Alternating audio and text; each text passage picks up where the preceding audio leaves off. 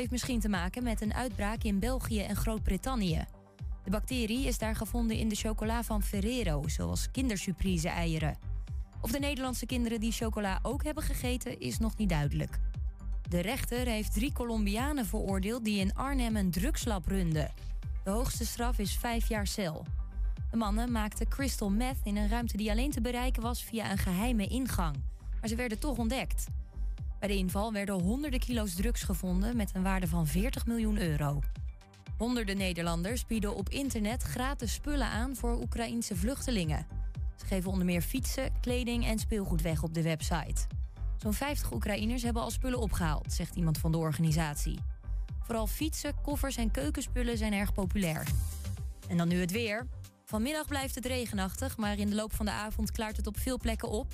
S'nachts kunnen er weer buien vallen en het wordt 7 tot 9 graden. En tot zover het ANP-nieuws. Bolstrik de Jong, goedemorgen. Hi, met Timo. Ik kom niet vandaag. Oh? Sterfgeval in de familie. Oh, jeetje. Gecondoleerd. Ja. Mijn schoonzus. Ik zal het doorgeven. Staat de begrafenis al? Zet ik die er ook meteen in? De dood. Praat erover. Niet eroverheen. Ga naar sieren.nl.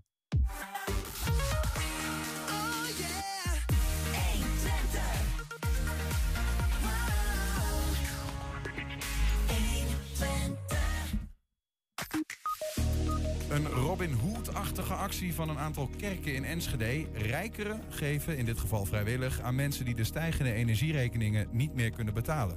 Ja, het allereerste groot hengeloze dicté komt eraan. Organisator Gijs IJsing had graag zelf wel mee willen doen. Zondag wordt de Willem Wilming-prijs voor het beste kinderlied weer uitgereikt in Enschede. Daniel Jansen van het Wilming Theater noemt het een prijs die de stad op de kaart zet. En de hengeloer Roy Schriemen werkte mee met het boek Koningen van de Wielerklassiekers waarbij ze in de geschiedenis van de vijf grootste koersen doken. Het is dinsdag 5 april en dit is 120 vandaag. 120. 120 vandaag. Twee ingelaste vergaderingen op één dag. Eén over de stand van zaken bij de formatie van een nieuwe coalitie in Enschede. En één over de opvang van 500 Oekraïense vluchtelingen in dezelfde stad. Tijd om na te praten met uh, collega Wilco Lauwers, die gisteren bij die beide debatten zat. Wilco, laten we beginnen met die opvang van uh, Oekraïners. Uh, daar was een spoeddebat over aangevraagd. Ja, dit was dan niet van de gemeenteraad, maar van de, van de commissie. Een spoeddebat, spoeddebat. Ik weet niet of het formeel zo uh, genoemd mag worden. Maar het was een ingelaste vergadering over die vluchtelingenopvang. En dat was op initiatief van de PVV en een paar andere partijen. Onder andere Burgerbelangen, VVD, SP, um, en Scheer Anders. Ja. Die um, niet, niet zozeer omdat ze tegen zijn hoor, tegen de opvang van vluchtelingen, maar meer om de, om de procedure die, die daaraan vooraf ging. Want dit werd vorige week woensdag bekendgemaakt door de burgemeester. Hè, aan, aan de pers, aan de inwoners dus ook. En uh, pas een dag later stond de brief met de informatie aan de gemeenteraad in het systeem waaruit de gemeenteraad hun informatie haalt. Dus daar waren ze niet zo heel blij mee. Nee, nee. Is het dan, zijn er harde noten gekraakt of moest het gewoon even gezegd worden? Ik denk dat het vooral even gezegd moest worden. En de burgemeester heeft ook aangegeven dat door de drukte uh, rondom de verkiezingen en daarna een nieuwe gemeenteraad. Hè, dus je hebt nog niet formeel is die gemeenteraad nog helemaal niet uh, in vergadering geweest. Ze zijn pas vorige week ook geïnstalleerd. Dus dat maakt het ook allemaal wel heel lastig om, om die informatie goed en snel bij de juiste personen te krijgen. Ja. En uh, dat zal uh, in de toekomst beter gaan, is er gezegd. Was dit ook de, de eerste echte vergadering van die nieuwe gemeenteraad trouwens? Uh, nou ja, het was een commissievergadering, dus formeel geen raadsvergadering. Ja, ja. Maar het was wel voor het eerst dat wij uh, de nieuwe raadsleden in, uh, in actie zagen. Ja. ja. Maar goed, de, we, we, kennen natuurlijk een aantal partijen die bijna als signatuur hebben van vluchtelingen doen we niet aan. Hè? Ik noem een PVV bijvoorbeeld. Hoe ja. staan die erin in Enschede? Nou, eigenlijk ze geven ze ook wel aan dat, dat uh, als we het puur aan zich hebben over de opvang van deze vluchtelingen uit Oekraïne, uh, vinden zij ook wel dat het moet gebeuren. Um, en dus eigenlijk de hele raad is hier wel voor, zou je kunnen zeggen.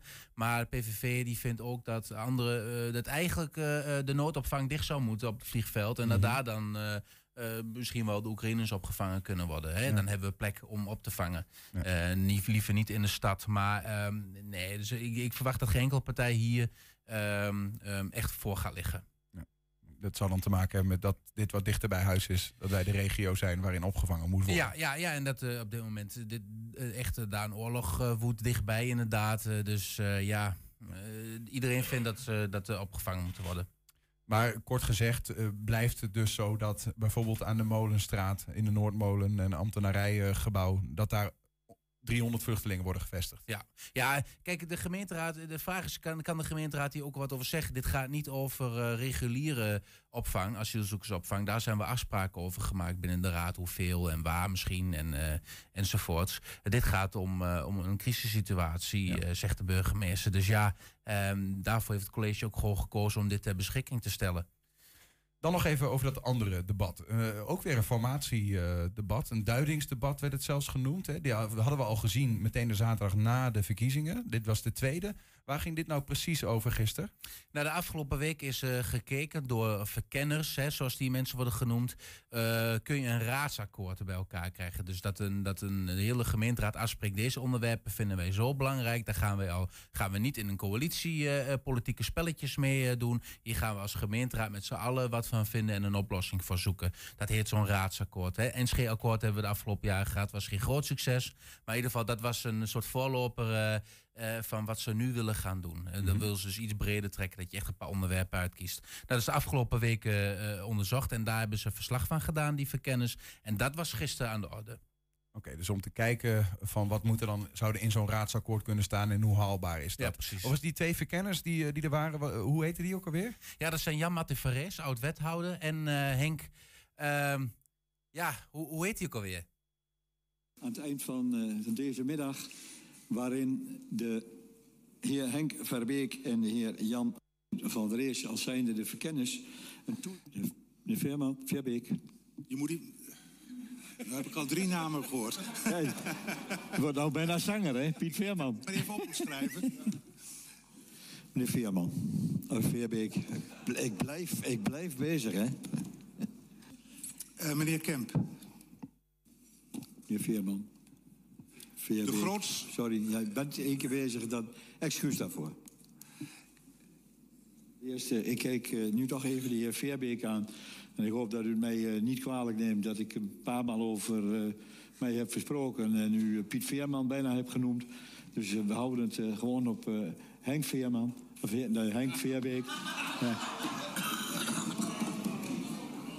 ja nou, nou wordt hij goed, hè? Ja, dit was ook best wel pijnlijk eigenlijk, in de raad zelf. Nou, ik kan Ook, me je ziet- voorstellen. Je ziet, het ook aan eh, Henk Veer, Veerbeek. Dan moet ik zelf kijken of ik wel goed... ja, Henk Veer- je ziet het ook aan, eh, aan Henk Veerbeek dat hij, eh, dat hij op een gegeven moment... In het begin kan hij erom lachen, is Ja. dat leuk. En op een gegeven moment zie je toch wel dat hij denkt van... Nou is het wel een keer mooi geweest. Ja. Ja, ja, Ben Sanders, de voorzitter, die zat even een paar keer mis. Veerbeek en Van Rees. Dat Ja. zijn de namen eh, van die verkenners in Enschede. Eh, eh, terug naar de inhoud. Die conclusie. Hè, ze onderzochten dat raadsakkoord. eh, mogelijkheden. Welke onderwerp zou het dan over moeten gaan? Wat zeggen ze daarover? Nou, dus ze hebben vier, eh, vier thema's uitgekozen. Waar, waarvan, nou, laat ik zo zeggen, ehm, er zijn twee mogelijkheden. Je hebt een raadsakkoord en een raadsagenda. Dat hebben ze eerst onderzocht. Dan zie ik jou kijken. Ja. Ik wacht geduldig af. Ja, eh, ja. de- de- want er zal een slight verschil tussen die twee zijn, denk ik. Nou, er, er zitten verschillen in een raadsakkoord. Dan spreek je eigenlijk al een soort doelstelling af. Eh, als voorbeeld werd gisteren bijvoorbeeld genoemd. ehm, je gaat zeggen, we gaan met voorrang investeren in zonnepanelen op daken. Dat wordt, dat wordt de doelstelling van dit raadsakkoord. Of we gaan uh, zwembad de brug weer openen.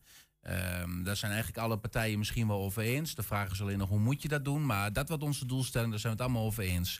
Zijn heel concrete zaken. Een raadsagenda, daar ga je zeggen... we vinden een aantal thema's zo belangrijk om over te praten.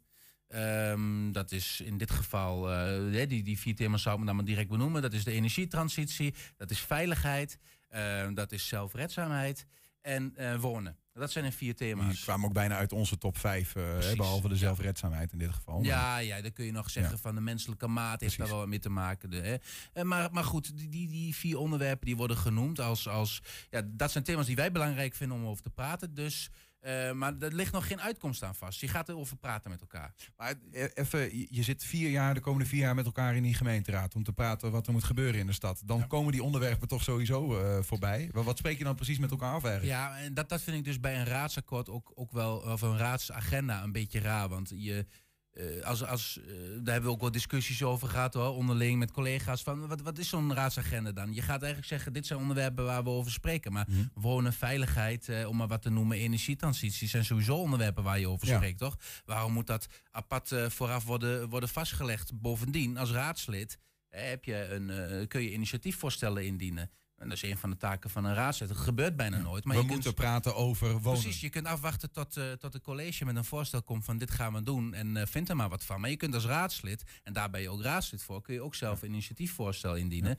Zelf een onderwerp op de agenda zetten. En als jij vindt bijvoorbeeld moeten windmolens komen, dan kom je met zelf met een voorstel. We gaan windmolens eh, neerzetten in Enschede. Is er, is, er een, is, er, is er een meerwaarde te bedenken van een eh, raadsagenda? Ja, de enige meerwaarde die ik hierin eh, zou kunnen zien is dat, nou ja, er komt natuurlijk ook nog een coalitieakkoord. Hè. Ga- dan, dan ga je met een paar partijen afspreken van eh, deze thema's. En daar worden de doelstellingen wel concreet. Hè. We gaan, eh, om maar even weer in die, in, die, in die algemeenheden te blijven, we gaan zoveel windmolens bouwen. We gaan eh cameratoezicht eh, toepassen, gaan we onderzoeken. Dat soort dingen. Ja. Dat spreek je af met elkaar in een Het regeerakkoord van Enschede, om het zo maar te Precies. zeggen. Ehm, en en, en als je een raadsagenda hebt en je zegt hierover, dus eigenlijk dit zijn onderwerpen waar de raad iets van moet vinden. We willen dat debat terugbrengen, hè, want dat is een doel daarvan. Ja, dan, dan kun je in een coalitieakkoord hier geen afspraken over maken. Je kunt niet ehm, veiligheid gaan aanwijzen als thema waar de raad zich wat van moet gaan vinden. Oké. En dan in een coalitieakkoord zeggen, ja, maar we gaan eh, meer BOA's inzetten. Of we gaan cameratoezicht eh, op veel meer plekken Ja, toepassen. dan zeg je eigenlijk, de bal ligt eigenlijk Ja. eerst bij de gemeenteraad. Ja. Die gaat eh, in de eerste instantie de kader scheppen en dan pas moet het college daar weer invulling aan Eigenlijk geven. heeft de college hierin bijna geen rol, behalve dat ze dan uitvoerder zijn van het,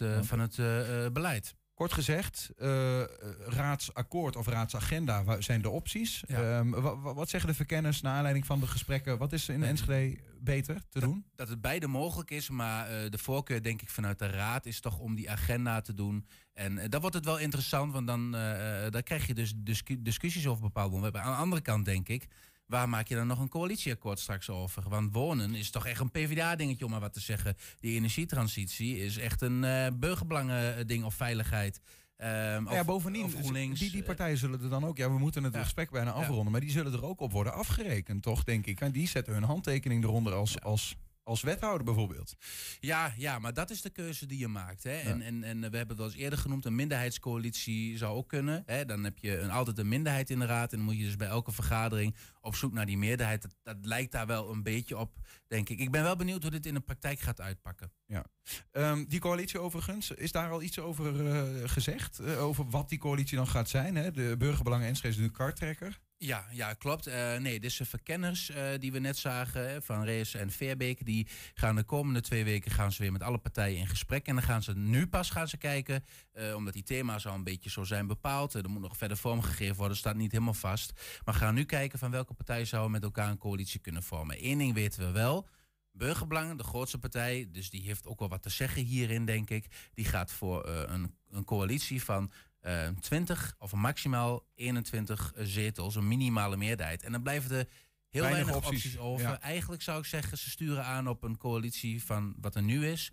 Dus met VVD ehm, ehm, en, en ChristenUnie en de PvdA, maar dan zonder de D66, dat die wegvalt. Dat zou ik zeggen.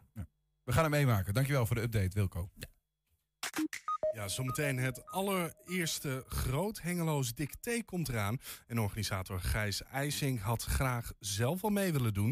En we zijn ook als podcast te luisteren. Je vindt ons op alle bekende podcastplatforms. Hele uitzendingen, gewoon in, je, in ons kanaal. In en, eh, zeker. En eh, kun je op de fiets luisteren wanneer je wil. En elke dag één item uitgelicht. 120. 120 vandaag. Ja, krijg je geld van de overheid om je energie te betalen terwijl je het eigenlijk niet nodig hebt? Ja, geef het dan aan bij de stadsgenoten die er letterlijk niet zo warmpjes bij zitten.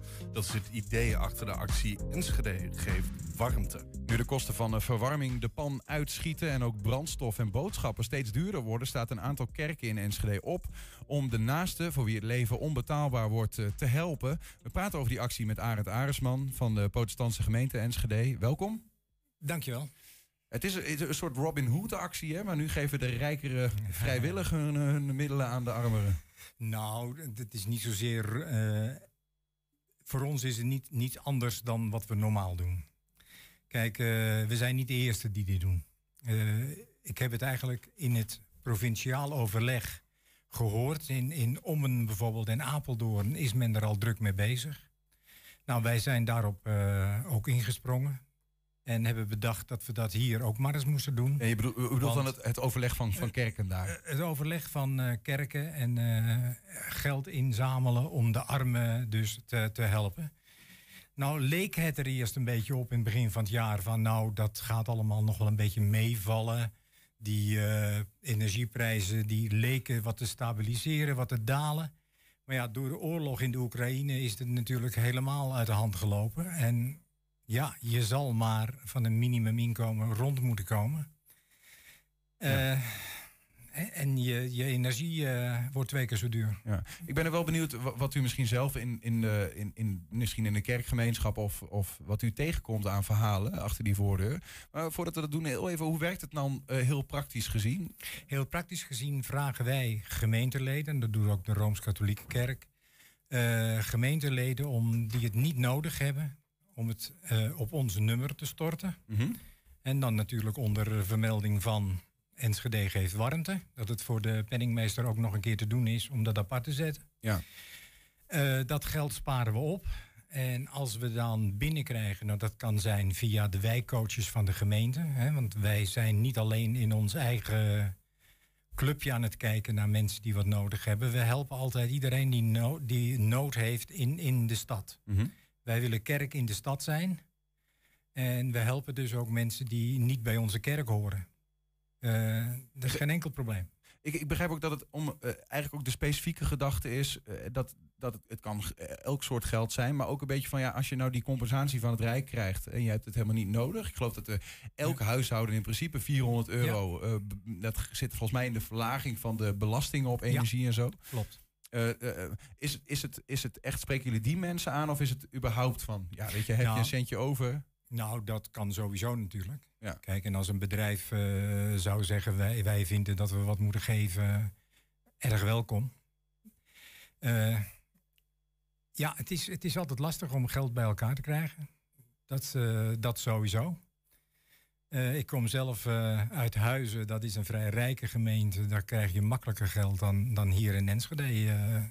wat toch niet echt een rijke gemeente is. En waar dus ook veel minima zijn. Ja, ja. Maar is het, is het, heeft het rondgeklonken, ehm, binnen, misschien wel binnen de gemeente, van eh, wij willen eigenlijk wel iets betekenen voor die mensen. Eh, heb je de handjes al op elkaar? Zit er wat geld in die pot? Het begint nou ja, vandaag dit- pas, maar... Ik heb het eh, twee maanden geleden heb ik een keer een artikeltje geplaatst. Eh, om, om de zaak warm te maken, om het aanhangig te maken, zeg maar. En eh, afgelopen weekend is dan ons eh, blad uitgekomen Mhm. waarin dit artikel staat. En dan, dan in de tussentijd hebben we dus uitgewerkt van, nou, er is een, een webnummer gemaakt waarop mensen zich op a- aan kunnen melden. Ja, we, we zullen het ook door gaan geven aan wijkcoaches en dergelijke. We hebben, we hebben een, een periode afgesproken van een maand om geld in te zamelen. Pas dan kun je natuurlijk, als je het ingezameld hebt en je weet wat je bij elkaar gesprokkeld hebt, kun je, het gaan kijken, verdelen. eh, dan kun je gaan verdelen. Als je Ik- dan wat verdeel, ja, als je dan weet hoeveel mensen wat nodig hebben. Ja, want ik, ne- ik neem aan dat, eh, dat in principe alle geld eh, welkom is. Ehm, maar, eh, maar op die mensen die het krijgen, dat je toch wel, ja, dat zal niet voor iedereen uiteindelijk zal erin voor in aanmerking komen. Hè? Nee. Wat is precies de voorwaarde om, voor, om het geld te kunnen krijgen, om het zo maar te zeggen? Voorwaarde is eh, bijstandsniveau. Dus eh, en er zijn ook mensen die daar nog onder zitten natuurlijk. Ja. Ja, want ik begrijp ook dat bijvoorbeeld de gemeente heeft een meldpunt hè, voor mensen die in energiearmoede zitten. En daar, Ja. daarvan, van de coördinator daarvan begreep ik dat ze zeggen, ja, ehm, er zijn ook mensen die bijvoorbeeld eh, een, een, een, in schuldsanering zitten of een WIA-uitkering krijgen. En die vallen nu niet onder de overheidsregel om die 800 euro extra Ja. energiecompensatie te krijgen. En het li- lijkt me ook wel een ingewikkelde oefening voor jullie om uit te zoeken van ja, wie heeft er dan meer recht dan een ander, om het zo te zeggen. Dat is ook ingewikkeld. Dat, eh, dat, ga, dat gaat ook niet iemand alleen doen. Dat doen we met elkaar. En eh, daar hopen we dus eh, de, een beetje hulp van de gemeente ook bij te krijgen. Ja. Want ja, die weten, en ik, ik denk ook aan een organisatie als Leger des Heils, die weten vaak heel goed waar de armoede zit, waar de ellende zit. Ja, daar, daar werken we sowieso nog wel eens mee samen. En het is natuurlijk altijd fijn als die ons wat adressen kunnen geven. Ja, en als, als u het heeft over bijstandsniveau, dan is er één ding wat in me opschiet. Hè. We kennen die, dat verhaal van die vrouw uit Weidemeren. Dat is een toonbeeld geworden van de bijstandsregels, die soms heel streng zijn. Als iemand de bijstandsuitkering krijgt en hij krijgt ook geld van een ander of boodschappen, dan zegt de overheid eigenlijk, nou dan heb je dus dat geld niet nodig uit de bijstand. Houden jullie daar op een of andere manier rekening mee? Dat je Ja. niet iemand juist de problemen in, in helpt? Ik ben, ik ben begonnen bij de gemeente Enschede te vragen wat de mogelijkheden zijn. En je mag 1200 euro hebben, dat hebben we ook krijgen. Dat hebben we ook duidelijk, eh, gaan we dat als criterium gebruiken. Want het heeft geen enkele zin om daarboven te zitten, want dan eh, gaat de gemeente gewoon korten. Ja. Dus eh dat moeten we niet doen. Hebben jullie ook ehm, nou ja, over nagedacht, hoe kun je nou mensen over, misschien wel een beetje over de drempel helpen? Hè? Want er is een groot eh, taboe, denk ik, schaamte. Ik, ik vind het al lastig om in dit, in dit onderwerp te benoemen. Ja, gaat het om mensen in armoede of zeg je mensen met een smallere beurs? Het Ja. is niet fijn om te horen, ik ben een, iemand in armoede. En het is al Nee. helemaal niet fijn om te horen, ik krijg geld van de rijkere Enschedeën. Ja, ja, ja, ja. ja, je zou kunnen zeggen, de, de transitie doet de overheid niet helemaal eh, goed. Want eh, iedereen krijgt hetzelfde bedrag. Of dat je een ton verdient of je, je zit op het minimum. Ja, in dit geval wel. Hè? Eh, Die in- 800 in- in euro dit gaat geval, wel naar... eh, ja. Ja, en ja, wij hebben dan als kerken gezegd van... dan kunnen wij misschien een rol spelen om dat van die rijkeren die het niet nodig hebben... die het eigenlijk ook niet zouden moeten krijgen... Ja. om dat naar de armere kant te schuiven... zodat eh, die mensen inderdaad eh, rond kunnen komen. Er staat ook in het tweede gedeelte dat wij niet met geld gaan geven... maar we gaan, eh, we gaan eh, dus eh, boodschappen, we gaan supermarktbonnen geven... zodat men boodschappen kan doen. Want het is natuurlijk heel belangrijk voor, voor kinderen in die gezinnen... dat er ook wat fatsoenlijk eten op tafel komt. En ja, dan weet je zeker dat het daarvoor besteed wordt. Precies. Ehm, wat weet u eigenlijk? Eh, Heeft u verhalen van, van Enschede'ers die, eh, ja, waar heel praktisch het op dit moment gewoon misgaat? Eh, ik heb niet verhalen van mensen waar ik dat nu al weet. Maar ik neem aan dat het hier en daar al heel zwaar gaat worden. Want als je als je, je energie vast hebt staan. ik, ik had het net zelf bijvoorbeeld in november of zo weer opnieuw vastgezet. Ja. Dan merk je het niet eens. Maar als jij eh, een variabel eh, betaalt, dan, dan zit je al op twee, drie keer zoveel als eh, vorig jaar. Ja, en ik begreep ook dat de energieproviders hun vaste tarieven ook hebben afgeschaft nu. Dus je kunt niet meer voor een jaar vastzetten. Dus Je kunt niet moment, zeggen van ik ga vastzetten. Dus nee. dat, eh, als, je, als je geluk hebt, heb je dat net net gedaan. voor de deadline gedaan. Dan, dan kunnen ze weinig, weinig rommelen. Maar ja, juist die mensen die, die hebben dat vaak de mogelijkheid niet. Jullie doen dit eh, als protestantse gemeente in Enschede, samen met Caritas, hè, van, Ja, eh, van de van de parochie van, Rooms-Katholieke, eh, gemeente. Ja. Jacobus de Meerdere. En, en met Leger des Heils. De andere kerken wilden niet? Of? Die hebben we nog niet gevraagd. We wilden het een beetje beperkt houden. Die samenwerking met, met Caritas is er vaker. Als wij iets hebben wat, we, wat voor ons eigenlijk een beetje duur is, dan, dan, praat, dan bellen we vaak even de collega's van Caritas van joh, kunnen we dat gezamenlijk aanpakken? Maar ze zouden kunnen aanhaken, wat dat betreft. Ze kunnen u bellen, de Eh, ja, ik zou zeggen, iedereen is welkom. Ja. Is er ook niet kerkmensen trouwens? Hè? Als ik nou luister en ik, eh, of ik, tuurlijk. ik zeg van ik wil wel iets geven of ik wil wel iets krijgen als het mogelijk is. Ja, maar we hebben ons eigen eh diaconale nummer, omdat het een ambi-nummer is, hebben we daarvoor. Ja. We kunnen die even in beeld laten komen overigens. Ja, hè? Dus graag. als mensen eh, zeggen van, nou ja, we, we, we- misschien ook als ze niet naar die protestantse kerk of naar Ja. die Jacobus de Meerder gaan, ik wil gewoon iets geven. Ehm, dan kan dat, warmte geven. Ik ga het even noemen. ja, Eh, dat is een, een nummer, nu- NL06, dus ambi-nummer. NL06 ABNA 0445 2531 50. Onder vermelding van Enschede geeft warmte. En heb je warmte nodig, zeg je van ik wil graag eh, nou ja, proberen om Ja. aanspraak te doen op die middelen. Dan kan het ook. Dan moet je een mail sturen naar enschedegeeftwarmte.gmail.com. En hopelijk was het ook even in beeld te zien. Dan eh, kon je dat ook zien als je meekijkt. Ehm, tot slot, Arend, eh, wat, wat verwachten jullie van de, van de actie? Of wat hoop je? Ik hoop dat we wat geld binnenkrijgen en dat we echt wat kunnen betekenen voor, voor een aantal mensen die het nodig hebben. Het is, het is altijd heel dankbaar werk als je iemand mag helpen. Eh, als diaken mag je dat af en toe doen. En eh, ja, mensen zijn soms ook heel verbaasd van... maar ik ben geen lid van die kerk en dat maakt ook niet uit. Je bent stadgenoot en als er hulp nodig is, dan doen we dat. De actie loopt tot eh 5 mei. Ja. Arend Aresman, dank en eh, veel succes ermee. En jullie bedankt. Graag gedaan. Ja, straks de Willem Wilmingprijs. Een prijs die de stad cultuur, eh, cultureel op de kaart zet. Zondag wordt daar weer uitgereikt in het Wilmingtheater. 120. 120 vandaag.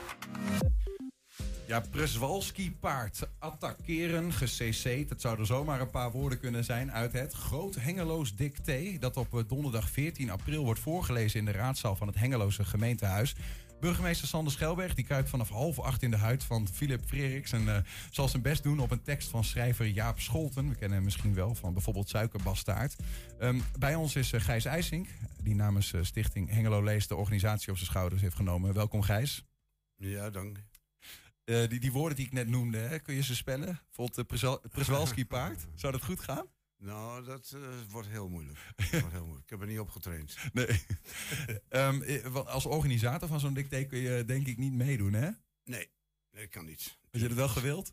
Ja, dat had ik wel graag gewild, ja. Ik heb, ik heb wel heel re- regelmatig meegedaan aan dat eh, nationaal dicté van Philip Freriks, waar je net aan refereert. Was dat zo leuk dat aan? ging me wel aardig goed af. Hè? Was dat zo leuk aan? Waarom, waarom doe je daar graag aan mee, aan zo'n dicté? Nou ja, omdat je, ja goed, ik heb mijn hele leven eh, als journalist in, in de taal gezeten. Dus eh, dan meen je, dan pretendeer je dat je de meeste woorden wel goed schrijft. En dat ga je dan even testen. Nee, vind ik altijd leuk, zulke dingen. Ja. Sportjournalistiek, onder andere bij Tubantia. Ja. Eh, Wat, eh, heb je vaak zeg maar even de krochten van het internet in moeten duiken om toch even te kijken, heb ik dit nu goed? Ja, vaak, maar dat deed je wel, want je wil geen fouten maken. Ja. Bij wat voor woorden vooral? Oh jee, ehm, bij wat voor woorden vooral wel? Vooral bij woorden, eh, leenwoorden uit andere talen en zo natuurlijk. En dat je toch, eh, nee, maar de Nederlandse taal die beheers ik vrij goed. Ja. Er komen steeds meer van dat soort, eh, hoe noemen ze dat ook weer? Ang, ang, ang, angel, van die woorden geleend uit het Engels? Ja, ang- anglicismes Ja. of germanismes. Hè. Dus, eh, die Het wordt er niet makkelijker op wat dat uit Duits. Nee, betreft. het wordt er niet uit. Het wordt steeds meer, ja. Nee. Ehm, Dat is jammer. jammer vind je? Ja, vind ik jammer. Ja, er zijn heel, va heel vaak woorden, schiet me nou even niet zo groot te binnen, maar dan daar is er ook heel gemakkelijk een Nederlands woord voor te verzinnen. Hè? En dan, eh, Gestrest? gestrest, ja, bijvoorbeeld. Ges- Gespannen. Overigens gestrest met één S aan het eind, hè? vergeten veel mensen vaak. Maar Ja, ja, vervoegen als het Nederlands. komt een collega aan.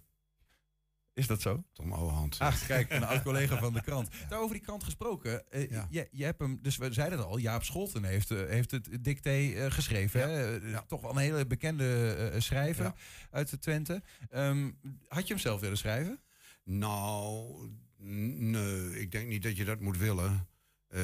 We zoeken het wel bij bekende schrijvers, he- bekende Hengeloze schrijvers in eerste instantie. Zoals Jaap Scholt ook is, is opgegroeid in Hengelo. En dan eh, dat geeft toch een extra cachet aan zo'n dicté. Hè?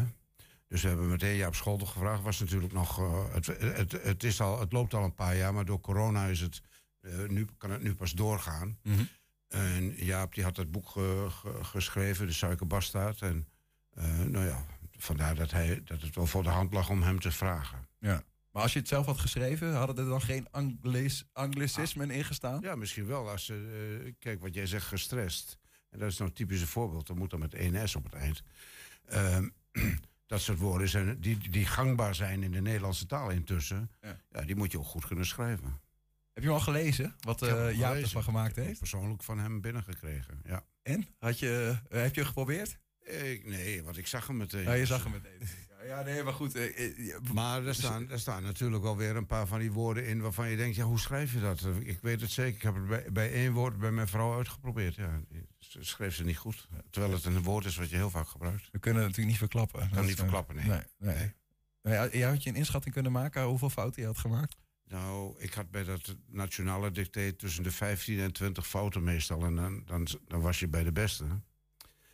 Eh, dus, eh, maar ik had hier ook wel fouten in gemaakt, absoluut. Zeker wel een stuk of 5, 6, 7, denk ik. Hoe gaat het eigenlijk in zijn werk? Want eh, normaal heb je dan een tv-programma, heeft een kop en een staart. Nou, dat zal dit ook hebben. Maar is wordt dit uitgezonden of moeten we ergens naar dat stadhuis toe om mee te doen? Heb je een vaste plek van aanmeldingen? Ja, we hebben een vaste plek van aanmeldingen gehad. We hebben ook mensen benaderd. Vooral omdat het de eerste keer is, wilden we natuurlijk meteen eh, goed beslagen ten ijs komen.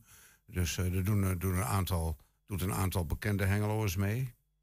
En voor de rest allerlei mensen die we gevraagd hebben. En sommigen zeiden, nee, alsjeblieft niet. Zeggen, moet je niet bij mij zijn. Ja. Want die kennen zichzelf en die denken van, oh, dan eh, word ik wel heel hard in het diepe gegooid. En anderen zeiden, Ja, er staat toch niks tegenover? Er- Ze worden toch niet op het hakblok gezet als het niet goed is? Nee, of dat geshamed, met name, Nee, met name en al? Worden, worden niet, wordt niet, eh, we, we maken de winnaars bekend en daar blijft het bij. Daarna krijgt iedereen zijn eigen werk terug, nagekeken en wel natuurlijk. En dan ziet hij wel hoe, hoe hij het afgebracht heeft. Maar waarom vinden mensen het dan... Het, het is toch een eer om gevraagd te worden, lijkt me. Waarom vinden mensen het lastig om mee te doen? Dan weet je dat niet. Ja, dat, eh, dat, dat denk ik, dat weet ik wel, omdat ze weten dat ze daar niet goed in zijn. Ja, nou ja, dan zien ze dat toch voor zichzelf. Of Ja. vinden ze het dan ook niet leuk? Dat is het Nee, misschien ook wel. misschien ook niet leuk. Nee, nee. En het is ook nog een beetje nieuw, hè? Het is de eerste keer dat we dat doen. Je hebt ook een aantal scholieren erbij, geloof ik? Ja, we hebben het ook. We hebben ook duidelijk gezegd, we willen ook middelbare scholieren mee laten doen. We hebben de scholen gevraagd, stuur een team in van vier. En als je dat niet kunt vinden, dan doe er maar een paar minder. De winnende middelbare scholier krijgt 100 euro. Dus hebben we ze mee geprobeerd te lokken. Dat is gelukt? Dat is gelukt. Oké. Dat is gelukt. Dat is een Eh, flinke vers- prijs, eh. Alle, alle middelbare scholen doen mee. Op, ja, niet allemaal trouwens. ROC heeft op het laatste moment nog afgezegd. En eh, van, van één middelbare school hebben we helemaal niks teruggehoord. Ja. Maar de, eh, doen in ieder geval vier of vijf mee. Had je dan toch maar opgelet op school? Hè? Dat zit je dan waarschijnlijk tijdens zo'n dicté. ja. Dan Nu kun je er in één keer geld mee verdienen. Ja. Ja. Het is is dus eh, eh, zes scholieren uiteindelijk? Nee, meer. Meer is sowieso al, ah, ik denk een stuk of twaalf scholieren. in totaal. 12, Ja. 16 onbekende hengeloers. Ja, min of meer. Hè, want je bent in jouw straat ben je bekend. Wanneer ben je nou Nou, dat is ook de vraag. Maar 16 soort van officieel eh, BH's, eh, Ja. bekende hengeloers. Ja, Wie ja. zit er daarbij? Ja, oud-burgemeester Kerkaert, eh, wethouder, oud-wethouder Nijhoff, een paar ehm, eh, gemeenteraadsleden ook, een paar kunstenaars, Guusje Beverdam, Hetty Franke. Dat soort mensen die, die af en toe in de publiciteit komen. Is ook publiek?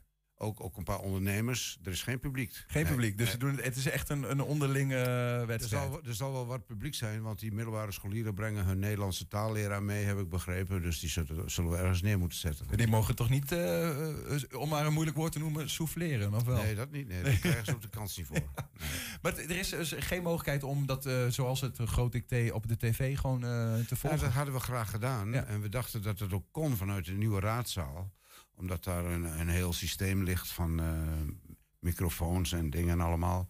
Maar het bleek, blijkt niet mogelijk te zijn. Eh, dus dat was, was wel onze bedoeling. Hmm. Volgend jaar beter? Maar 21 komt een reportage maken. Oké, nou dat scheelt alvast, ja. Dat Ja, gaan we zeker ja. doen. De, is het is de bedoeling, dus eh, wie wilt het misschien ook herhalen volgend jaar? Ja, absoluut, ja. Dan eventueel met camera's en echt een programma van maken. Ja.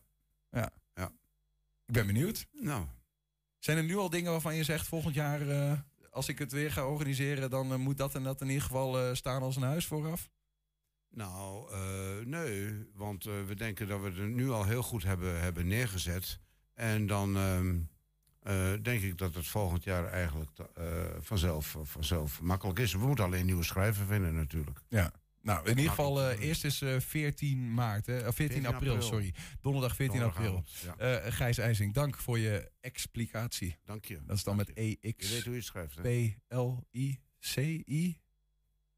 Nee, daar had A, had een A bij gemoeten. Ja, ik ga al, als je dat Ja, in je hoofd moet doen, uit. jongens. In ieder geval explicatie. Zoek het maar even op hoe je het schrijft. Mocht je willen weten wie er allemaal meedoen, de volledige lijst staat op de site van Hengelo Leest. En dat is hengeloleest.nl. Dankjewel. Ja. Ja, zometeen Hengelo Roy Schriemen werkt mee aan het boek Koningen van de Wielerklassiekers. Bij de schrijver in de geschiedenis van de vijf grootste koersen duikt. 120. 120 vandaag. We gaan het hebben over de Willem Wilmink-prijs... die zondag weer wordt uitgereikt aan de beste kinderliedjesmaker. Want het is niet zomaar een prijs. De uitreiking van de prijs in Enschede, geboortedorp van Willem Wilmink... straalt af op heel Enschede. En de prijs zet Enschede cultureel op de kaart. Het zijn eh, de gedachten van Daniel Jansen van het Wilmink Theater. En hoe hij daarbij komt, dat gaan we hem vragen... want hij zit bij ons. Daniel, welkom. Ja, goedemiddag. Die Willem Wilmink-prijs, wat is dat eigenlijk? De Willem Wilming-prijs is het eh, lied voor het beste kinderlied eh, van Nederland. Eh, dus een Nederlandse prijs. In 2010 is die voor het eerst eh, uitgereikt in Enschede. En gaat eigenlijk op basis van tekst. Dus tekst staat voorop in het kinderlied. En een jury gaat daar dan hun oordeel over vellen welk lied er wint. Dat is eigenlijk in een notendop wat ik Willem Wilmingprijs is. Het beste kinderlied van Nederland. Van Nederland. Dat heeft best wel wat gewicht. Zeker weten. En eh, daar zitten natuurlijk een aantal voorwaarden aan. Eh, eentje daarvan is bijvoorbeeld dat het professioneel moet uitgebracht zijn de afgelopen twee jaar. Eh, dat kan zijn eh, via de televisie, via een cd, eh, livestreams, eh streamingdiensten. Dat is al best wel snel haalbaar, toch, in deze zeker tijd? weten, zeker Ja. weten. Dus er zijn ook heel veel mensen die eh, liedjes eh, kunnen insturen. Want in, in het verleden heeft toch een, een bekende rapper heeft hem toch ook gewonnen, als ik het zo goed zeg. Ja, Kenny B heeft hem gewonnen. Ja. Aquasi heeft hem gewonnen. Dus inderdaad, rap. Typhoon de vorige keer. Typhoon, dat was hem. Die, daar was ik, ja, ik zit, al, ik zit al even alle jaren terug. Maar ja. Ja. best wel veel rappers hebben hem eigenlijk gewonnen. dus, grappig, eh, ja. dus ja, het is eigenlijk voor een, een heel breed scala. En eh, eh, jeugdtheater of inderdaad teksten die misschien ehm, in een liedje verpakt kunnen worden. Een heel mooi voorbeeld daarvan is vorig jaar Typhoon. Die won met het lied Stotteren. Eigenlijk een best wel een ingewikkeld onderwerp voor kinderen. Maar eh, een kinderlied kan heel, juist heel mooi dat voor kinderen heel eh, bespreekbaar maken. En kunnen laten aantonen van ja, maar stotteren is helemaal niet zo erg. En eh, eh, kijk maar eh, hoe Typhoon ermee omgegaan is. Is dat ook vaak waar zo'n kinderlied ehm, over... Is het soms ook gewoon leuk of heeft het vaak een soort van onderliggende boodschap? Nou ja, dat is natuurlijk wel de kunst om daar een onderliggende boodschap in te hebben. Maar het hoeft niet altijd. Eh, Jeroen Schipper heeft bijvoorbeeld het jaar daarvoor gewonnen met Kijk eens wat ik kan. En dat is eigenlijk best ook nog wel een, een boodschap die wat heel erg universeel is. Maar gewoon ook liet zien van kinderen, kijk eens wat je allemaal kunt doen. Dus inderdaad, er zit altijd wel een boodschap in. Eh, daarom dat het kinderlied ook juist over die tekst gaat. Ehm, maar het hoeft niet altijd hele zware onderwerpen te zijn. We gaan zo eens luisteren naar de drie eh, genomineerden voor dit jaar. Ehm, maar voordat we dat gaan doen, die ehm, mensen die mee willen doen. Dat zijn er 77, zeg je dit jaar. Dit jaar 77. Waarom doen die dat eigenlijk? Hoeveel lading heeft deze prijs in die culturele wereld? Ja, het heeft een grote lading. Eh, nou ja, het is de landelijke prijs voor het kinderlied. Dus zo- zeker voor deze schrijvers een hele grote eer om die prijs te kunnen winnen. Eh, er zit een mooi beeld aan vast, eh, wat in 2010 is ontwikkeld en ieder jaar weer opnieuw wordt eh, eh, gemaakt voor, eh, voor de winnaar. Er zit een geldbedrag aan vast. Dat wordt mogelijk gemaakt door Buma Cultuur van 5000 euro. Om ook weer die tekstschrijver ehm, ja, te helpen om zijn repertoire en verder weer de wereld in te gaan met nieuwe muziek. Voor een gemiddelde culturele cultuurmaker, laat ik het zo Ja. zeggen, ook wel veel geld. Een heel fijn- aardig. ja, precies. weten, een fijn, eh, welkome Ja. bijvulling, En- aanvulling. En het is natuurlijk, hè, we hebben bijvoorbeeld de Annie M. G. Smitprijs voor het theaterlied. Dus eigenlijk voor eh, eh, tekstschrijvers van ook wel weer wat liedjes met een gelaagdheid. Ehm, ehm, nou ja, die is dan voor de oudere mensen, voor de volwassene liedjes. en dit is echt voor de kinderliedjes. Ja. En ja, het is natuurlijk heel uniek dat die in Enschede wordt uitgereikt. Omdat natuurlijk Willem Wilmink ook uit Enschede kwam. En voor velen een voorbeeld is eh, die deze, dit soort liedjes zijn gaan schrijven. Wordt het er meer eigenlijk, ieder jaar, het aantal inzendingen? Is daar iets over te zeggen? Nou ja, we zagen eh, heel mooi vorig jaar echt een hele grote stijging. Maar dat kwam natuurlijk door corona. Want toen hadden wij een jaar moesten we overslaan over de, de uitreiking. Dus toen hadden we er eh, echt over de 100. Eh, en nu met 77. Ja, dat is echt wel heel ja, fijn om te zien. Dat ook zelfs in de coronatijd dus nog heel veel liedjes gemaakt zijn. Ja. Ehm, en professioneel zijn uitgebracht. Zullen we eens gaan luisteren? Zeker. Ehm, ik, ga, ik ga even een, een volgorde pakken. En misschien, Daniel, eh, overigens, als je op koptelefoon iets te hard staat, je hebt daaronder zit ergens een, een, een, een, eh, een, een draaiknopje voor de volume. Ja, maar dit wil je met goed volume kunnen luisteren natuurlijk. Absoluut. daarom. Ehm, we gaan eerst naar, luisteren naar Give Me Some Skin. Maar voordat we dat gaan doen, eh, wat is dit voor een liedje van Jurian van Dongen? Wil je er nog iets over kwijt? Of gaan we gewoon luisteren? Ja, ga vooral luisteren. En, en daarna gaan we het er wel even over hebben. Oké, Give Me Some Skin. Schiet een gaatje door mijn oorlel of mijn hoed. Maak een grap over mijn borsthaar als het moet. Boei mijn handen en mijn voeten. Stop mijn kop maar in een stroop. Maar doe voorzichtig met mijn huid. Daar ben ik zuinig op. Ik zwierf Stukje, stukje uit eh, Give Me Some Skin van... ehm, eh, tekst is van Jurian van Dongen in dit geval. Hè. Ja. De zanger is dan vaak iemand anders, maar het gaat om die tekst. Mhm. Eh, is dit een soort van reclame voor eh, Nivea skincare? nou ja, eigenlijk, hè, eh, en dat vind ik heel leuk. In het juryrapport heeft de jury dat mooi omschreven. Na een tijd van corona is dit eigenlijk het perfecte liedje. Waar weer het gaat over inderdaad de huid en het contact maken met mensen. dat dat zo belangrijk is. Dus ook daarin zit weer inderdaad die gelaagdheid in. Mhm. Zowel over het onderwerp inderdaad van je huid. als inderdaad de gelaagdheid van ja, we komen uit een coronapandemie waar we afstand hadden en ook niet aan elkaar zitten. Huidhonger. Precies. Ja. Ja. Wie heeft dit liedje nou eigenlijk uitgekozen? Want er zijn 77 inzendingen. Dit Ja. is één van de drie. Straks eh, horen we er nog twee no- genomineerden. Ja, we hebben een, eh, een, een zogeheten vakjury. Die bestaat uit vijf leden. Eh, dat zijn eh, Thijs Borsten, eh, zelf ook eh, liedjesmaker en eh, eh, muzikant. Eh Velofsky, zelf ook eh, muzikant en eh, tekstschrijver. En ehm, dat is Henry Drost, eh recensent van jeugdtheater. Eh, Trudy Lucardi, zij is eh, betrokken geweest vanaf het begin van het ontstaan van de Willem Wilmingprijs. En als laatste vergeet ik bijna Agent De Haan. zij is zelf ook knap dat je het inderdaad hoofd doet. liedjes eh, maken en, eh, en eh, jeugd, zelf ook jeugd, maakt zelf ook jeugdtheater. Niet, niet, niet de minste in ieder geval Zeker die niet. daar Nee, ze staan gedacht. zelf ook echt in het vak en hebben daar ook zeker een kijk op vanuit hun perspectief. Maar la- we kunnen anders nog wel even eentje luisteren. Ja, dus, we hebben er zelfs nog twee. Zullen we er eentje doen nog? De, de Brugklas Blues Ja. van Patrick van den Hanenberg. Juffrouw Loes, ik ben een beetje bang. Beetje bang. De achtste groep zit er bijna op. Bijna op. Dan vakantie, die is lekker lang. Maar juffrouw, dan begint het getol. Is mijn agenda weer in orde? Is mijn broek het juiste merk? Overleef ik in die horde? Want ik ben echt niet zo sterk. Misschien verzin ik wel een hele goeie smoes. Ik ben bang, ik heb blijft leuk. Ik Leuk. vind- ja, ja, hij is heel leuk. Het is een Ja, be- ja. bekend gevoel natuurlijk. Ik wou net voor, eh, zeggen. En, ja? en het is zo heel erg mooi dat het juist misschien voor eh, de jonge luisteraars nog niet heel veel gevoel opwekt. Maar wij, als hè, die allemaal de brugklas hebben meegemaakt, snappen gelijk. Ja, dat gevoel kennen wij ook. En het is, dit liedje is ook juist bedoeld voor die generatie die nog naar de brugklas moet. Om even dat steuntje in de rug te en al een beetje voorbereiden op die eh, zware periode. Ja. Heb je een idee waarom nou bijvoorbeeld hè, dit liedje, vorig liedje, waarom die door de jury eh, als, als genomineerden zijn aangemerkt? Wat, wat zijn die daarin de. Nou, ik denk dat dit jaar vooral echt gekeken is. eh het tekst is altijd belangrijk, maar nu ook inderdaad wel de onderwerpen. Wat zijn nu ook onderwerpen die, eh, die in deze tijd spelen en waar hoe, hoe kinderen er naartoe kijken. eh, en dat ze daar een beetje op geselecteerd hebben. Ehm, vooral met de afgelopen twee liedjes. De volgende zul je dan weer zien. Dat is weer een heel ander eh, perspectief qua liedje. Maar daar is vooral eh, ja, het, het, echt de, de liedkunst als het ware. Met rijm, et cetera. Dat is ook heel erg belangrijk. Dus de jury heeft een, mooie afwisseling gemaakt. En dat hoor je ook aan ehm, de verschillende stijlen. Hè? De, de- blues, de country en zometeen weer wat poppy. Ja, dat eh, ligt ook lekker in het gehoor. Dus je gaat wel eh, zelf ook twijfelen van... ja, wat vind ik nou eigenlijk leuker? Omdat het eh, zo verschillend is. Machinist van eh, Robert Raamaker is nummer drie. Hij was op weg naar Amsterdam, had geen idee hoe hij daar kwam. De weg was hem nooit uitgelegd, zo kwamen ze in Utrecht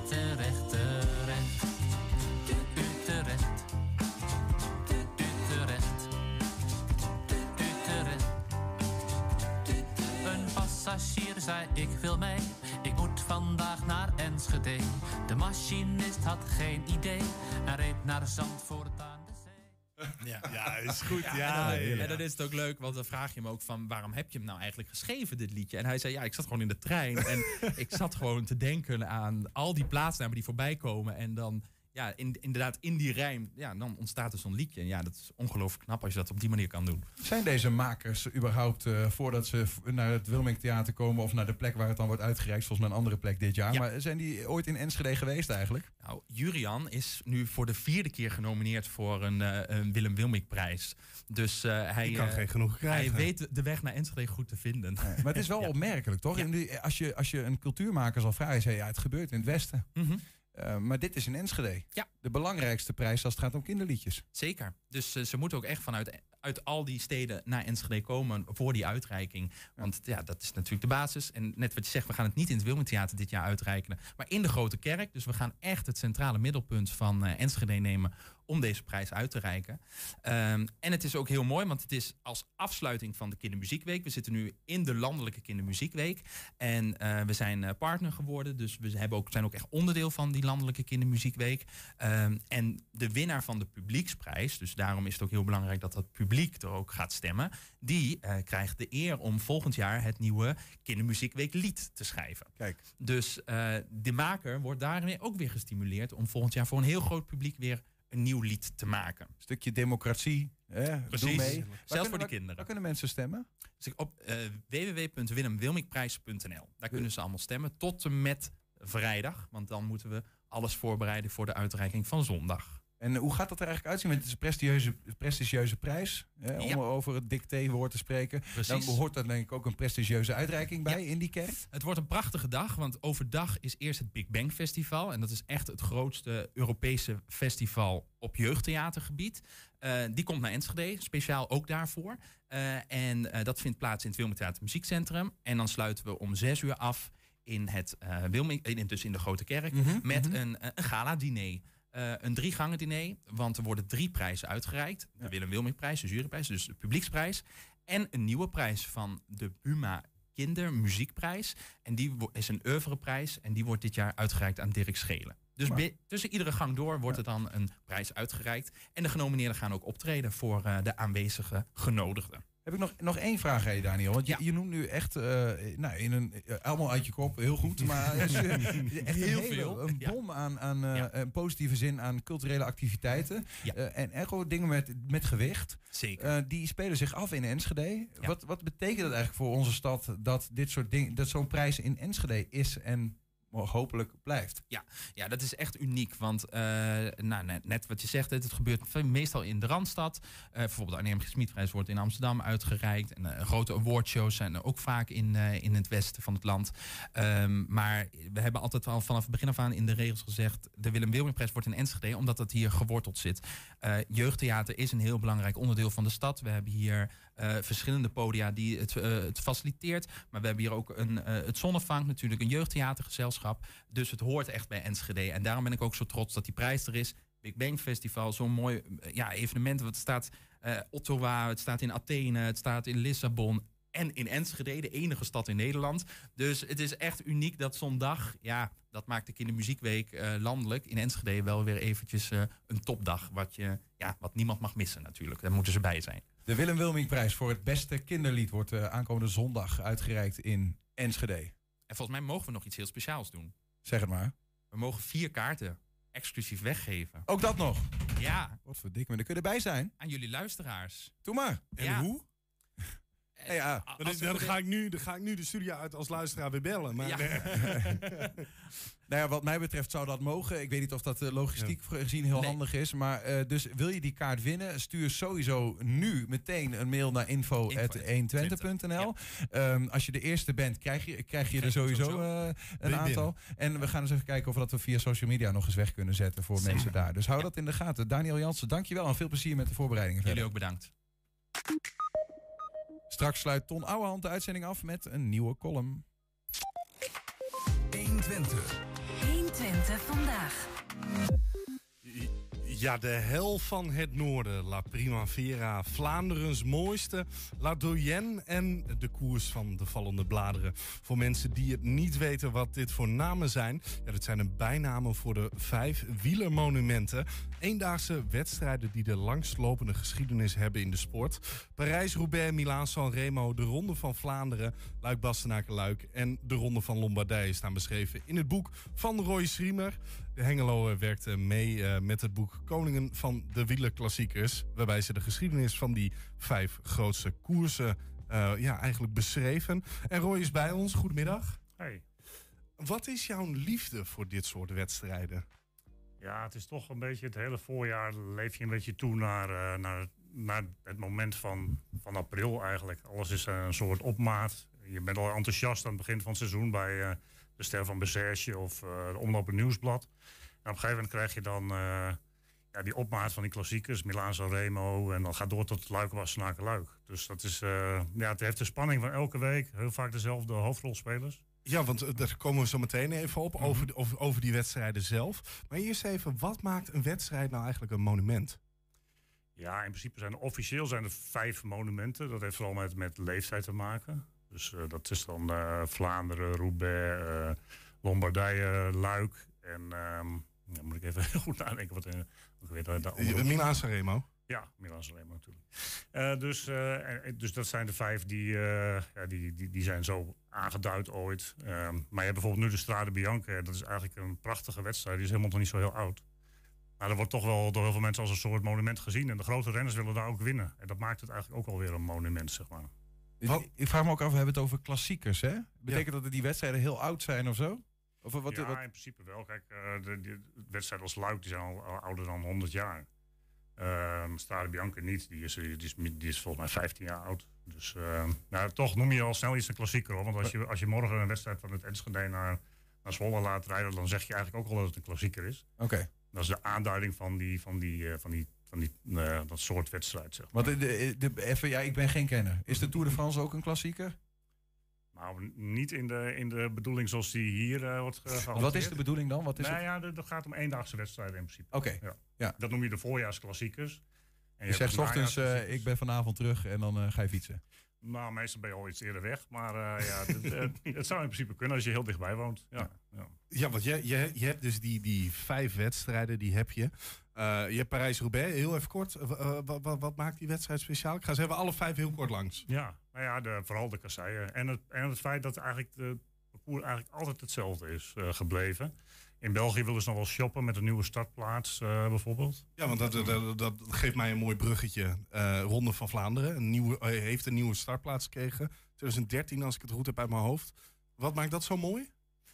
Ja, nou ja, kijk, eh, Ronde van Vlaanderen is, is een beetje van Vlaanderen. Dus het mooie is wel dat er dan steeds ergens anders te doen is. En dat, ja, dat, dat betrek je eigenlijk de hele, het hele land of de hele streek in, je wedstrijd. Ja. En Milaan San Remo? Ja, eigenlijk is dat een hele, ja, een hele lange aanloop naar het moment waarvan je weet dat het gaat komen. Tot ze dan de potjo opdraaien. En daar gaan ze dan proberen nog een sprint te ontlopen. Poggio, de, een, de ene laatste, eh, ene laatste of de laatste? Oeh, nu wordt De het laatste. De echt, laatste. eh, ja, Ci- ja. Cipresa zit daarvoor. Ja. Eh, ook 298 kilo. Volgens mij ook de langste Ja, eh, klopt, koers eh, van heel de wereld, toch? Ja, klopt. Alleen ja, als, je, als je van wielrennen en van de, van, de, van de kust houdt, moet je zeker gaan kijken. Als je wil weten hoe het afloopt, kun je ook echt de laatste 10 minuten wel eh, inschakelen, zeg maar. Ja. En dat is wel eerlijk. Dat, dat denk ik ook vaak. Als ik naar wielrennen kijk, denk ik, nou, ik kom wel terug als, als Ja, het maar bijna ja, kijk, dat, dat is dus bij Parijs-Roubaix niet zo. Want dan kunnen de favorieten lekker rijden, ehm, eh, in de achtervolging moeten. Je kunt daar verrassen door vroeg aan te vallen. En wat je tegenwoordig steeds vaker ziet met Van der Poel eh, en, eh en Van Aert bijvoorbeeld. Dus ja, het is wel minder voorspelbaar geworden. En eh, eh, eh, nog even de laatste, Luik Bastenaken Luik. Dat is heuvel, heuvelachtig. Ja, dat is eh, de, de, de Ardennen. Eh, gewoon echt een eh, enorme rij van, van, van klimmen die gewoon echt in de benen kruipen. En dan zie je ook weer de renners die, die je later in de Giro en de Tour gaat zien. Die zie je daar eigenlijk excelleren. Ja, en dan heb je als laatste de ronde van de vallende bladeren. Eh Il Lombardia, ja, ronde van Lombardije. Wat, wat is dat voor wedstrijd? Ja, dat is eigenlijk eh, de laatste klimkoers waar je nog één keer eh, de mannen ziet die je in de grote ronde hebt gezien. En eh, in de Italiaanse klassiekers in het algemeen. Ja, en Het klinkt trouwens niet als een, een, een, een soort van weg waar ik op zou willen wielrennen hoor. Hey, met vallende bladeren. Want dit is hartstikke glad, man. Ja, klopt. Moet, je, moet je een keer over eh, vorig jaar een editie geweest, eh, eh, Parijs-Roubaix, natte editie. Ik heb volgens mij nog nooit zoveel mensen zien vallen. Dat was verschrikkelijk volgens mij. Ja, maar ja, de eerste vrouweneditie was er ook van. En Annemiek van Vleuten die heeft een paar, een paar weken in de, in de lappenmand gezeten inderdaad. En Ja. het is zeg maar een onderwerp wat best wel veel beschreven is als je in de wielenwereld kijkt. Wat maakt dit boek wat jij hebt gemaakt, je mag hem wel eens even laten zien, je hebt het volgens mij ook bij je. ja, klopt. Dit is hem, eh, de, de wielerklassiekers, de koningen van de wielerklassiekers. Wat maakt dit boek nou zo speciaal? Eh, ja, wat het speciaal maakt is dat het de opsomming is van alles. Eh, je hebt gewoon ja, je hebt, je hebt die klassiekers als op een rij, maar je hebt ook bijvoorbeeld de hoofdrolspelers. We hebben ook wel een beetje gezocht naar de wat onbekendere verhalen. Zodat je, Wat, vertel ons eens, gewoon een verhaal wat hierin zit. Dan ben ik Nou ook ja, benieuwd. Ik, ik kwam eigenlijk achter de, de Waalse pijl. Er is maar ooit maar één, door, door één Nederlander gewonnen. Dat was Joop Zoetemelk. En ehm, hij, bijna had hij niet gewonnen, maar hij reed verkeerd op het allerlaatste moment. Eh, verkeerd? Ja, ja. En hij hoorde dat eigenlijk omdat hij, wordt, hij werd altijd uitgejoeld in die tijd door, eh, door de Belgische supporters, omdat die allemaal voor Eddy Merckx waren. En hij hoorde opeens geen gejoel en geen, geen gescheld meer. En toen dacht hij van, hé, hey, Die klopt iets niet. En, en toen keek hij om en zag hij zijn ploegleider gebaren. En toen keerde hij om en won hij toch alsnog de wedstrijd. Maar ja, het was eigenlijk aan de zijde draadje. Of we hadden nooit een Nederlandse winnaar gehad in de Waalse Pijl. Ja, want, want eh, eh, je, je zegt hier Waalspel, die is, is niet bij die vijf Nee, monumenten. Hij staat wel in het boek. Maar eh, je hebt ook bijvoorbeeld de Amstel Gold Race, dat is de enige Nederlandse klassieker. Waar- waar- waarom heb je die er ook nog in meegenomen? Ja, ik bedoel, als Nederlands boek hoort dat er ook wel een beetje bij. En ik moet zeggen, de afgelopen jaren is, als je ziet wie er daar winnen, met, met Van der Poel en met, met Van Aert en Alaphilippe die daar probeert te winnen, heb je daar toch wel wat de grote namen die eigenlijk op die andere zondag in, in april ook gewoon eh, willen winnen. Dus ja, hij hoort er ondertussen wel bij. Maar hij is niet zo oud oh, dat hij echt een monument heet te zijn. Nee, want de, de, de- je, je hebt dus ook eh, andere wedstrijden ook nog. eh, even Parijs Tours zit er nog in. Waalse Pijl wordt er nog in benoemd. ook de Strade Bianche. Eh, ook heel veel van die wedstrijden zijn op gravelwegen, kasseiwegen of dat soort dingen. Kun je niet beter gewoon veldrijders alleen maar uitnodigen voor dit, voor dit soort wedstrijden? Zou in principe kunnen. We hebben natuurlijk best wel aardige veldrijders die voorin rijden met Van Aert en Van der Poel. Uh, Alaphilippe heeft ook een verleden in het veld.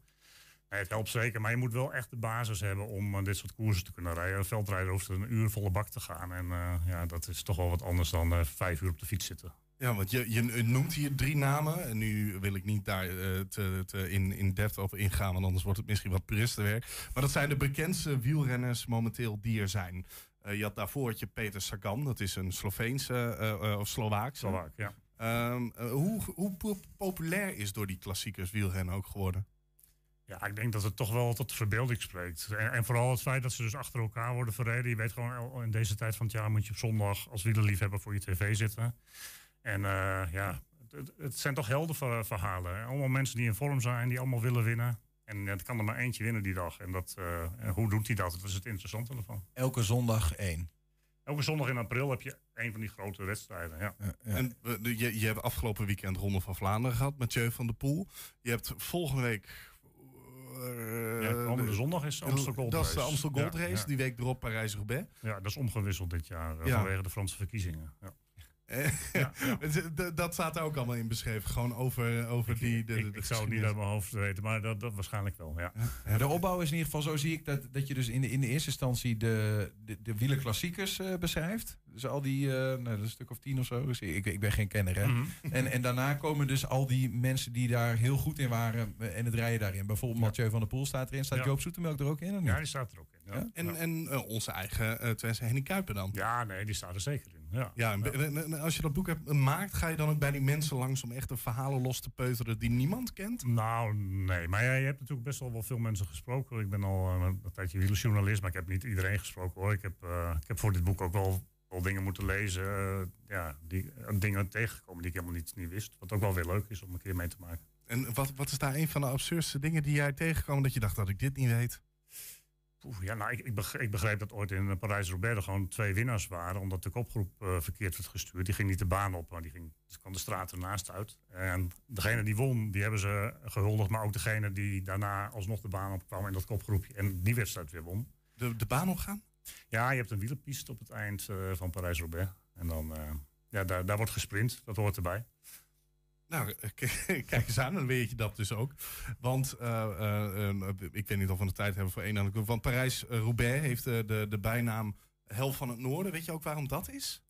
Ja, dat heeft ook wel met het parcours te maken. Met, de- met de gaten in de weg, de pech die je daar kunt krijgen.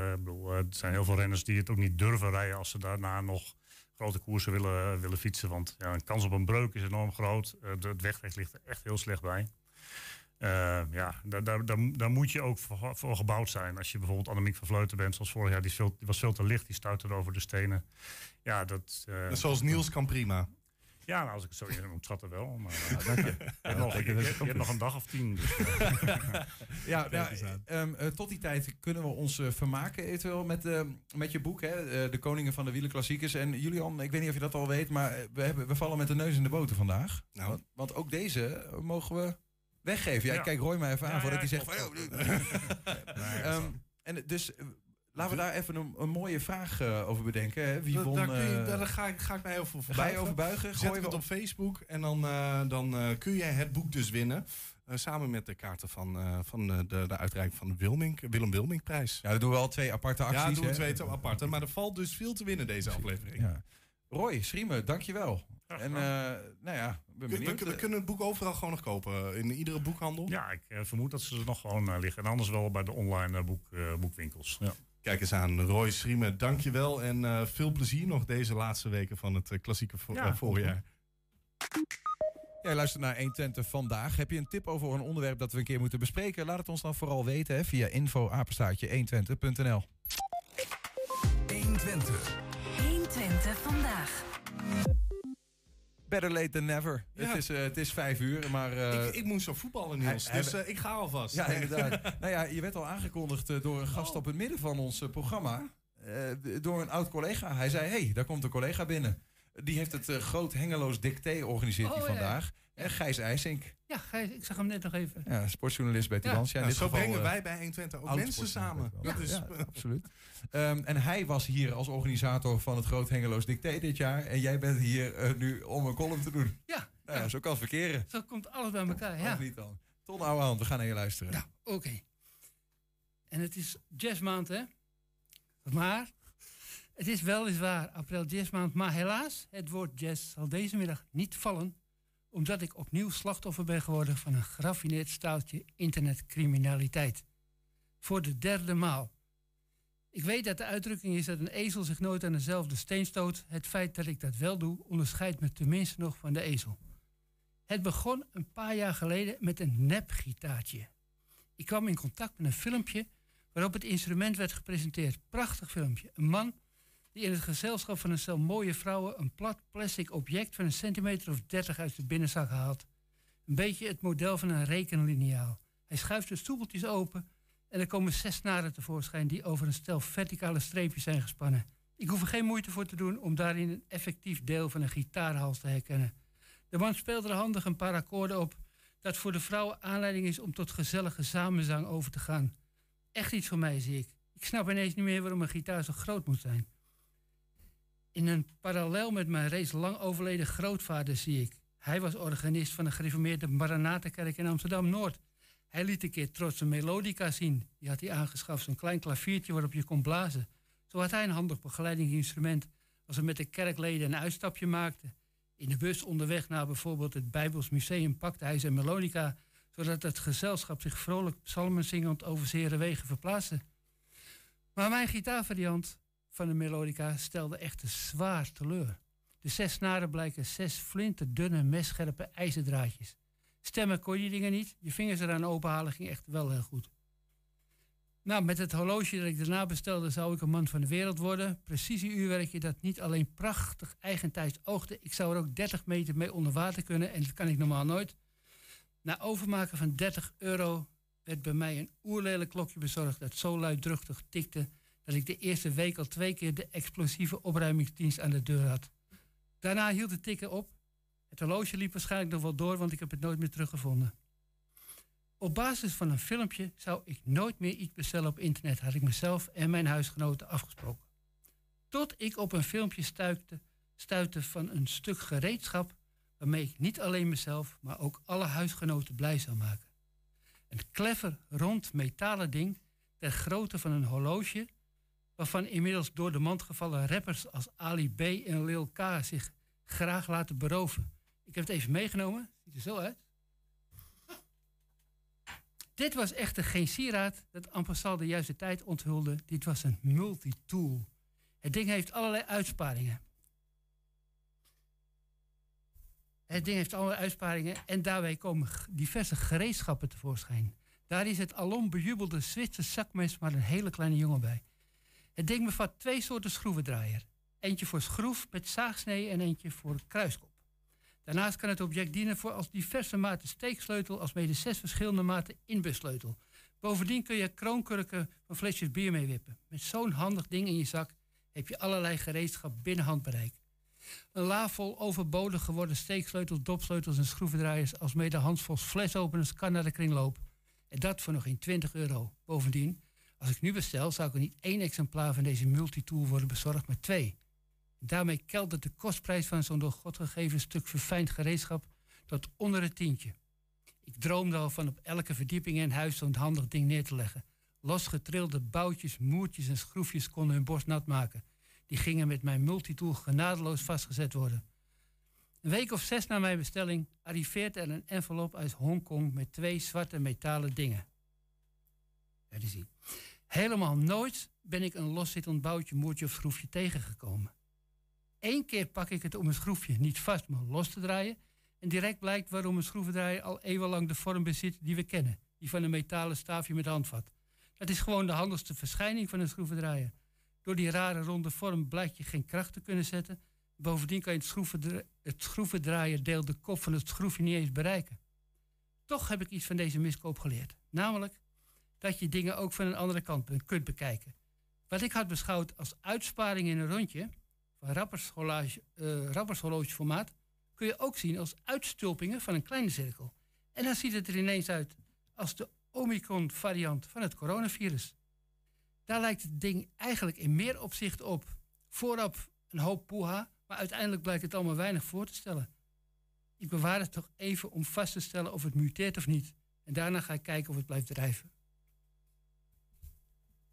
Mooi. Ik wil hem nu toch echt een keer in mijn hand houden ook, eh, Ton. Het lijkt bijna op een soort shuriken. Zo'n eh, zo'n ninja-ster. Ja, misschien kan je hem daar En dat met, met, met wel weer een, eh, eh, een, een dictéwoordje, Niels. Ja, zeker. Ik heb er één gespot eh, voor het Hengeloos Groot Dicté. Ah, eh, vertel. rappershorloge formaat. Dat word ik toch ook wel, ook wel klok genoemd door de betreffende doelgroep. Ja, precies. Nee, ik snap wel, Ton, dat, eh, dat een schroevendraaier in dit geval soms toch, eh, net even Ja. iets prettiger is. Dankjewel, Ton Ouwehand met de column van de dag. Ja, en we hebben nog één eh, eh, dingetje. Want wij hebben dus in deze eh, eh, uitzending twee eh eh, weggevenacties mogen doen. Dus zou jij een boek willen winnen over de koningen van de wielerklassiekers, de vijf wielerklassiekers? Wil je dan eh, eh, eh, even onze Facebook in de gaten Houd in de houden? gaten, ja. Dan eh, komt er vanzelf een, eh, een winactie voorbij. En wil wil je... een multitool winnen? Oh, ja. Ook die kun je nog winnen. Ook. Doen we er gewoon bij. Productielid? En kunnen we die ook? Nee, Nee, kunnen we niet geven we weggeven. weg. We hebben nog wel de uitreiking van, eh, dat is wel echt eh, serieus, een uitreiking van eh, voor, voor de Willem Wilmingprijs. Hè, aankomende zondag, daar kun je bij zijn. Prestigieuze prijs voor het beste kinderlied. Wil je dat winnen? Hou onze Facebookpagina in de gaten. We zetten daar binnenkort twee winacties op. Drie winacties. En daarmee sluiten wij 120 vandaag af. Terugkijken, dat kan direct via 120.nl. En vanavond om 8 en 10 op televisie te zien. Zometeen kun je op de radio gaan genieten van Henk Ketting. Met zijn kettingreactie. Veel plezier en tot morgen. 120. Weet wat er speelt in Twente. Met nu het nieuws van 5 uur. Goedemiddag, ik ben Eva Vloon. Corona-activist Willem Engel is weer vrij. Hij werd zondag opgepakt omdat hij de voorwaarden voor zijn eerdere vrijlating zou hebben overtreden. Hij mocht niet op social media, maar gaf toch een interview op YouTube. Engel vindt dat het OM meteen had moeten zeggen dat ook dat niet mocht. Twee Nederlandse kinderen hebben een salmonella-besmetting opgelopen. Het heeft misschien